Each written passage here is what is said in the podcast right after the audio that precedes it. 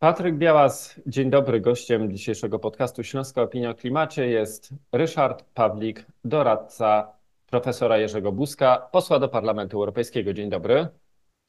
Dzień dobry, witam serdecznie.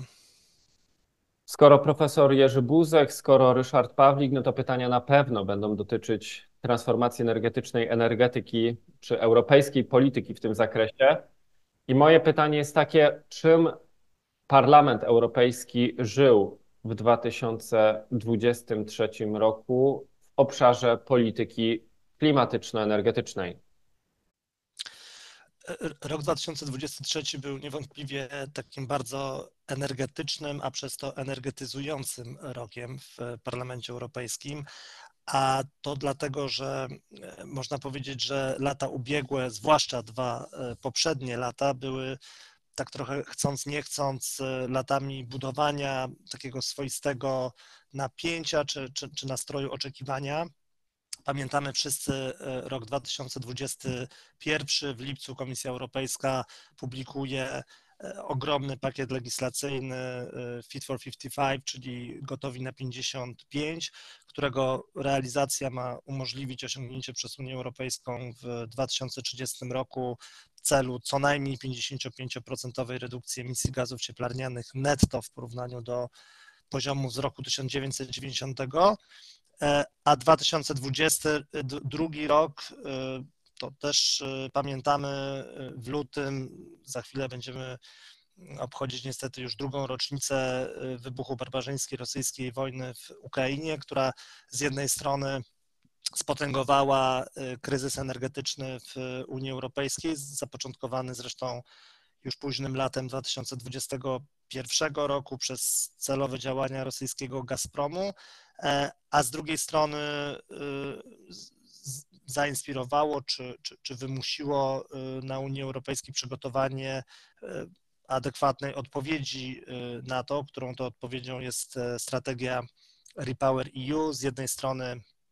Celem strategii jest przyspieszenie zielonej transformacji energetycznej y, Unii Europejskiej, a z drugiej strony oczywiście y, jak najszybsze odejście od importu paliw kopalnych z Rosji, czyli węgla, gazu ziemnego, ropy naftowej. I w tym sensie miniony rok to był taki swoisty, mm, po angielsku powiedzielibyśmy year of delivery, tak? rok, rok realizacji, rok mówiąc y, bardziej młodzieżowo, dowożenia zarówno tego pakietu Fit for 55, jak i strategii E, Repower EU. I wchodząc już trochę jakby bardziej w szczegóły, co konkretnie e, udało się ustalić e, czy, czy, czy wypracować, to wspomniałbym kilka takich kwestii. Po pierwsze, nowelizacja dyrektywy o efektywności energetycznej,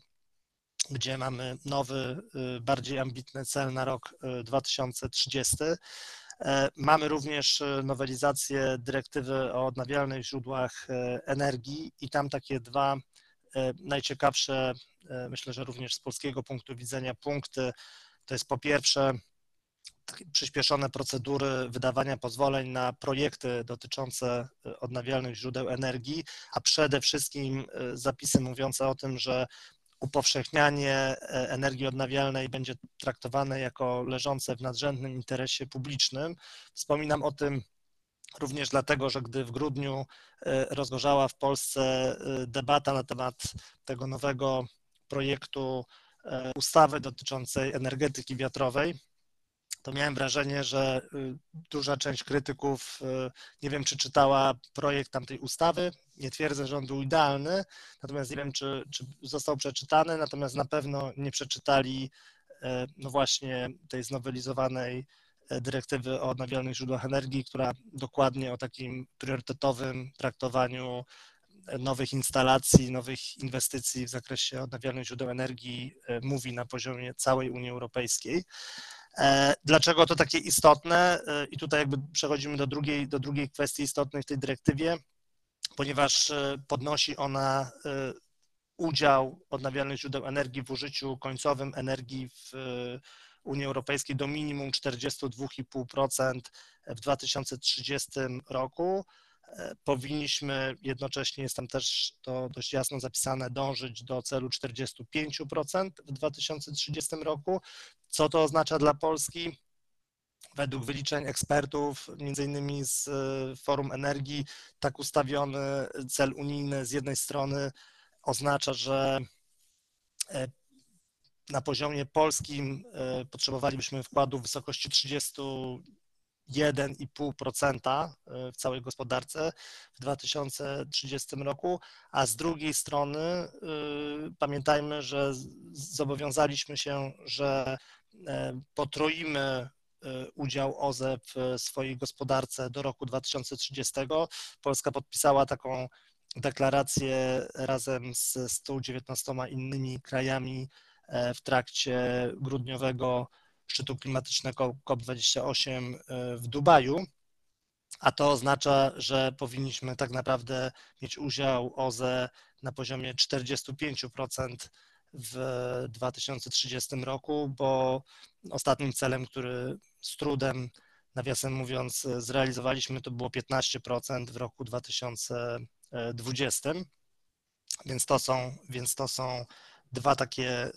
podstawowe przykłady, co w ostatnim roku udało się zrobić. Z innych y, ciekawych kwestii e, na pewno ustalenie y, zapisów ostatecznych takiego nowego europejskiego aktu w sprawie surowców krytycznych. To jest zupełnie nowy akt prawny, który jakby zwraca uwagę na to, że ten dostęp do surowców krytycznych też e, nadmierna zależność Unii Europejskiej od dostawców zewnętrznych, i to nawet nie chodzi tylko o, e, o to, że jesteśmy od nich zależni, ale że w przypadku wielu surowców jesteśmy niemal w 100% zależni od jednego dostawcy. To z jednej strony sprawia, że jesteśmy no, w niekomfortowej, nazwijmy to, sytuacji, jeśli chodzi o mm, naszą pewną niezależność y, i, i bezpieczeństwo gospodarcze, a z drugiej strony może również y, postawić pod znakiem zapytania realizację naszych celów y, klimatycznych długoterminowo. Dlatego Unia Europejska przygotowała mm, taki, taką kompleksową propozycję, jak wzmocnić tą naszą niezależność, jeśli chodzi o dostęp do surowców krytycznych. Tu z polskiego, śląskiego, polskiego punktu widzenia y, ważne jest, że po raz pierwszy miedź została uznana za y, surowiec strategiczny, natomiast y, bardziej ze śląskiego punktu widzenia, że węgiel koksowy po raz kolejny został uznany za surowiec krytyczny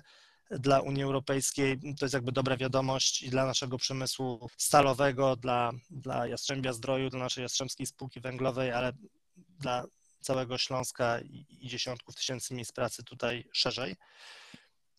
I ostatnia, myślę, kwestia, y, może dwie ostatnie kwestie, o których, o których bym powiedział. Jedna to, skoro mówiłem o Śląsku, to będę kontynuował coś, co mm, bardzo mocno tutaj rezonowało i również w całej Polsce. Powiedziałbym, że nieproporcjonalnie e, mocno do, w porównaniu do innych e, krajów unijnych, to jest rozporządzenie metanowe, które e, również jest pierwszą taką w historii Unii Europejskiej próbą zaproponowania przepisów, które będą, które doprowadzą do ograniczenia emisji metanu, który no jest z punktu widzenia klimatu dużo, dużo bardziej szkodliwym e, gazem niż e, dwutlenek węgla. A dla Polski te przepisy ze względu na to, jak bardzo zametanowione mamy nasze kopalnie, też ile tych kopalń mamy, jak, jak wysoki mamy udział węgla w wytwarzaniu energii elektrycznej w porównaniu do zwłaszcza innych krajów unijnych, no, był to potężny problem i tutaj udało się wypracować, y, jakby też dzięki wysiłkowi europosłów e, w Parlamencie Europejskim przepisy, które e, z jednej strony rzeczywiście będą gwarantować, że będziemy ograniczać emisję tego, tego bardzo szkodliwego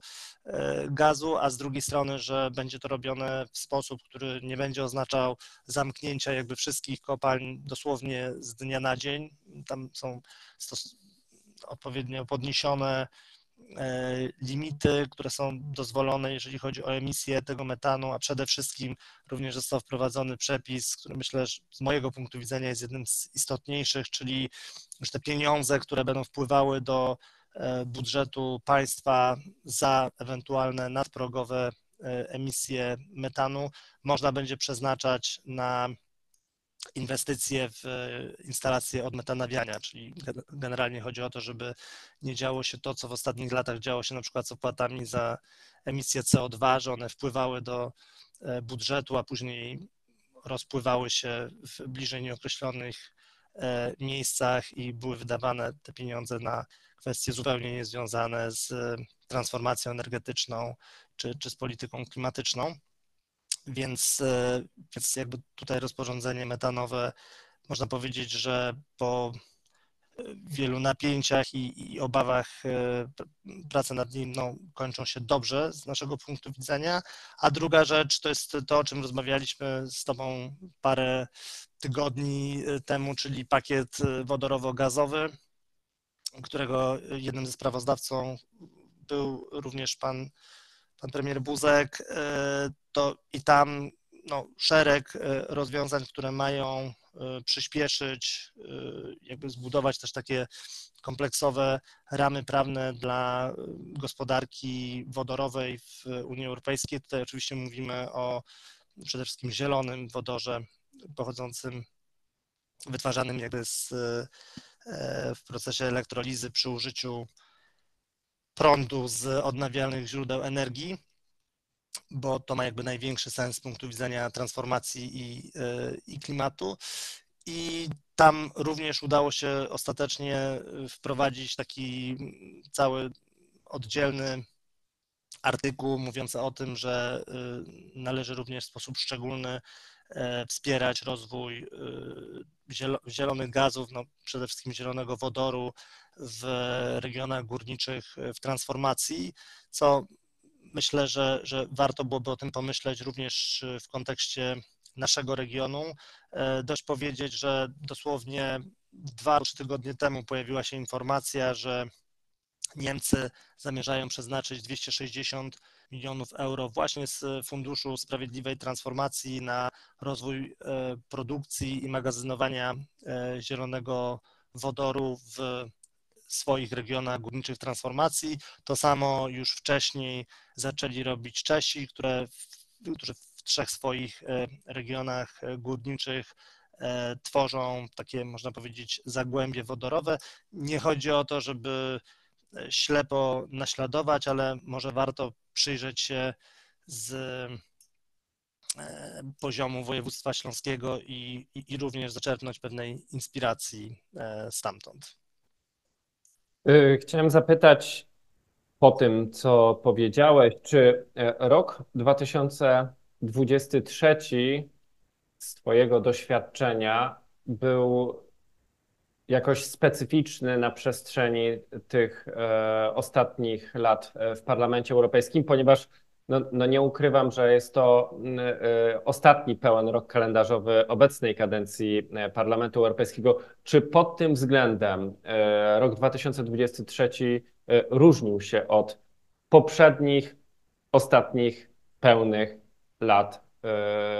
w kadencjach Parlamentu Europejskiego? Nie, myślę, myślę, że nie, aczkolwiek zgadzam się, że, że ten rok zawsze jest rokiem y, bardzo szczególnym, no bo jest jakby y, to, to, jest taki czas, żeby można powiedzieć, że ostatni dzwonek, żeby e, w miarę na spokojnie zakończyć pracę nad szeregiem aktów legislacyjnych. Oczywiście my pracę kontynuujemy i jeszcze nawet w najbliższych tygodniach będą domykane niektóre akty legislacyjne, które ciągle powinny zostać e, przegłosowane przez, przez Parlament Europejski w tej kończącej się e, kadencji. Natomiast no wiadomo, że generalnie nikt nie lubi zostawiać wszystkiego na, na koniec i dodatkowo, tak jak mówiłem na początku, przez to, że jakby no z jednej strony jakby wyzwania czy, czy, czy, czy te zadania związane z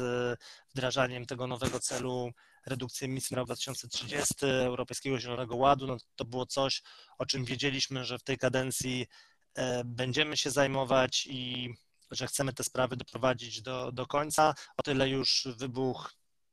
rosyjskiej wojny w Ukrainie no, był mimo wszystko pełnoskalowej rosyjskiej wojny w Ukrainie. Był oczywiście pewnego rodzaju zaskoczeniem i wszystkie działania związane z tym, które też w pewien sposób e, wpływały na pakiet Fit for 55, bo powiedzmy sobie szczerze, że my tam też niektóre rzeczy e, poprawialiśmy jeszcze właśnie uwzględniając to, że chodzi nie tylko o realizację celu klimatycznego, ale chodzi też o e, odchodzenie od zależności od importu z Rosji, no więc to powodowało, że e, tych zadań i tej pracy było szczególnie, szczególnie dużo i w tym sensie to może było troszkę troszkę bardziej szczególne niż poprzednie końcówki, ale tylko w tym zakresie. Y, zacząłeś jeszcze o tym, że pewne kwestie są do dowiezienia. E, przed nami ostatnie pół roku tej kadencji Parlamentu Europejskiego. Twoim zdaniem, co się wydarzy jeszcze, albo co będzie przedmiotem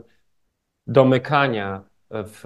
tej kończącej się kadencji Parlamentu Europejskiego i w pierwszej połowie 2024 roku. Tak naprawdę można powiedzieć, że byliśmy na tyle y, efektywni, jeżeli chodzi o politykę energetyczną i, i naszą Komisję Przemysłu, Badań Naukowych i Energii ITRE w Parlamencie Europejskim, że z grubsza y, zakończyliśmy pracę nad y, wszystkimi aktami legislacyjnymi. Jedyna rzecz, która właściwie ciągle jest w trakcie negocjacji, ale już między Parlamentem Europejskim i, i państwami członkowskimi, to jest akt w sprawie przemysłu e, e, zeroemisyjnego, Zero Industry Act. I to jest coś, co dokładnie powinno rozstrzygnąć się w najbliższych tygodniach, tak żeby zostać jeszcze przegłosowanym no najpóźniej na, na ostatniej kwietniowej sesji plenarnej Parlamentu Europejskiego. E, część rzeczy, tak jak na przykład wspomniany przeze mnie pakiet wodorowo gazowy, czy, czy nawet rozporządzenie metanowe, e, prace się zakończyły, ale formalnie głosowanie na sesji plenarnej e, odbędzie się w zależności od tego, kiedy zostanie jakby sfinalizowany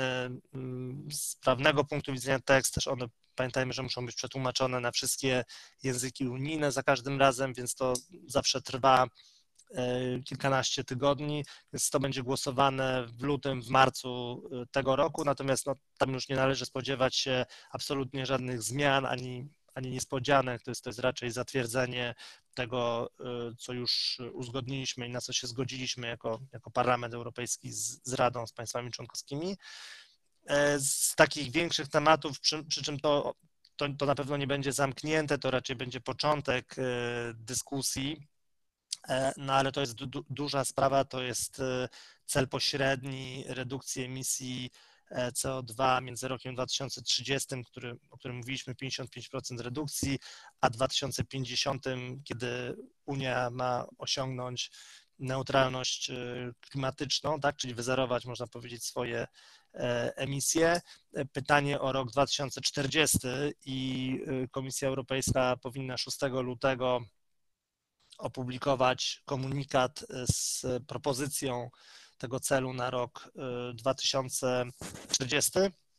no i to na pewno rozpocznie dyskusję, która myślę, że nie zakończy się w tej kadencji e, parlamentu. Myślę, że może być to też jeden z tematów kampanii wyborczej do, do Parlamentu Europejskiego, czy, czy, czy to w Polsce, czy w innych krajach członkowskich. Tak tylko żebyśmy wiedzieli o, o jakby rzędzie jakiej wielkości y, liczbie mówimy. W czerwcu Europejska Rada Naukowa do spraw klimatu, to jest taki niezależny organ doradczy y, Unii Europejskiej, opublikował raport, w którym zaleca ograniczyć emisję CO2 o 90 do, do 95% do roku 2040 i y, nowy, y, tyle co tak naprawdę mianowany y, komisarz do spraw klimatu Wopke Hoekstra, który zastąpił wiceprzewodniczącego Franza Timmermansa, który odszedł do polityki krajowej do Holandii. W trakcie swojego wysłuchania w Parlamencie Europejskim komisarz, obecny komisarz Hoekstra jakby deklarował jasno, że będzie bronić tego minimalnego celu redukcji netto co najmniej 90% do roku 2040. I teraz obojętnie, czy to będzie ostatecznie 90 czy 95%, to oznacza na przykład, że w sektorze e, energii e, należy wyzerować e, emisję CO2 właściwie zupełnie do roku 2040. No więc znowu zastanówmy się, co to oznacza, y, czy co to powinno oznaczać dla działań, które e, mam nadzieję będą podejmowane w, chociażby w Polsce w kontekście transformacji energetycznej. I na zakończenie chciałem zapytać, ponieważ w ostatnich dniach ukazał się raport Fundacji Batorego Powrót do Europy, rekomendacje dla polskiej polityki w Unii Europejskiej w kontekście tej europejskiej polityki klimatyczno-energetycznej i tych regulacji, o których przed chwilą mówiłeś, jakie Polska ma przed sobą zadania, jak polski rząd powinien się ustawić do tych europejskich regulacji, które już zostały przyjęte albo lada chwila zostaną obowiązujące?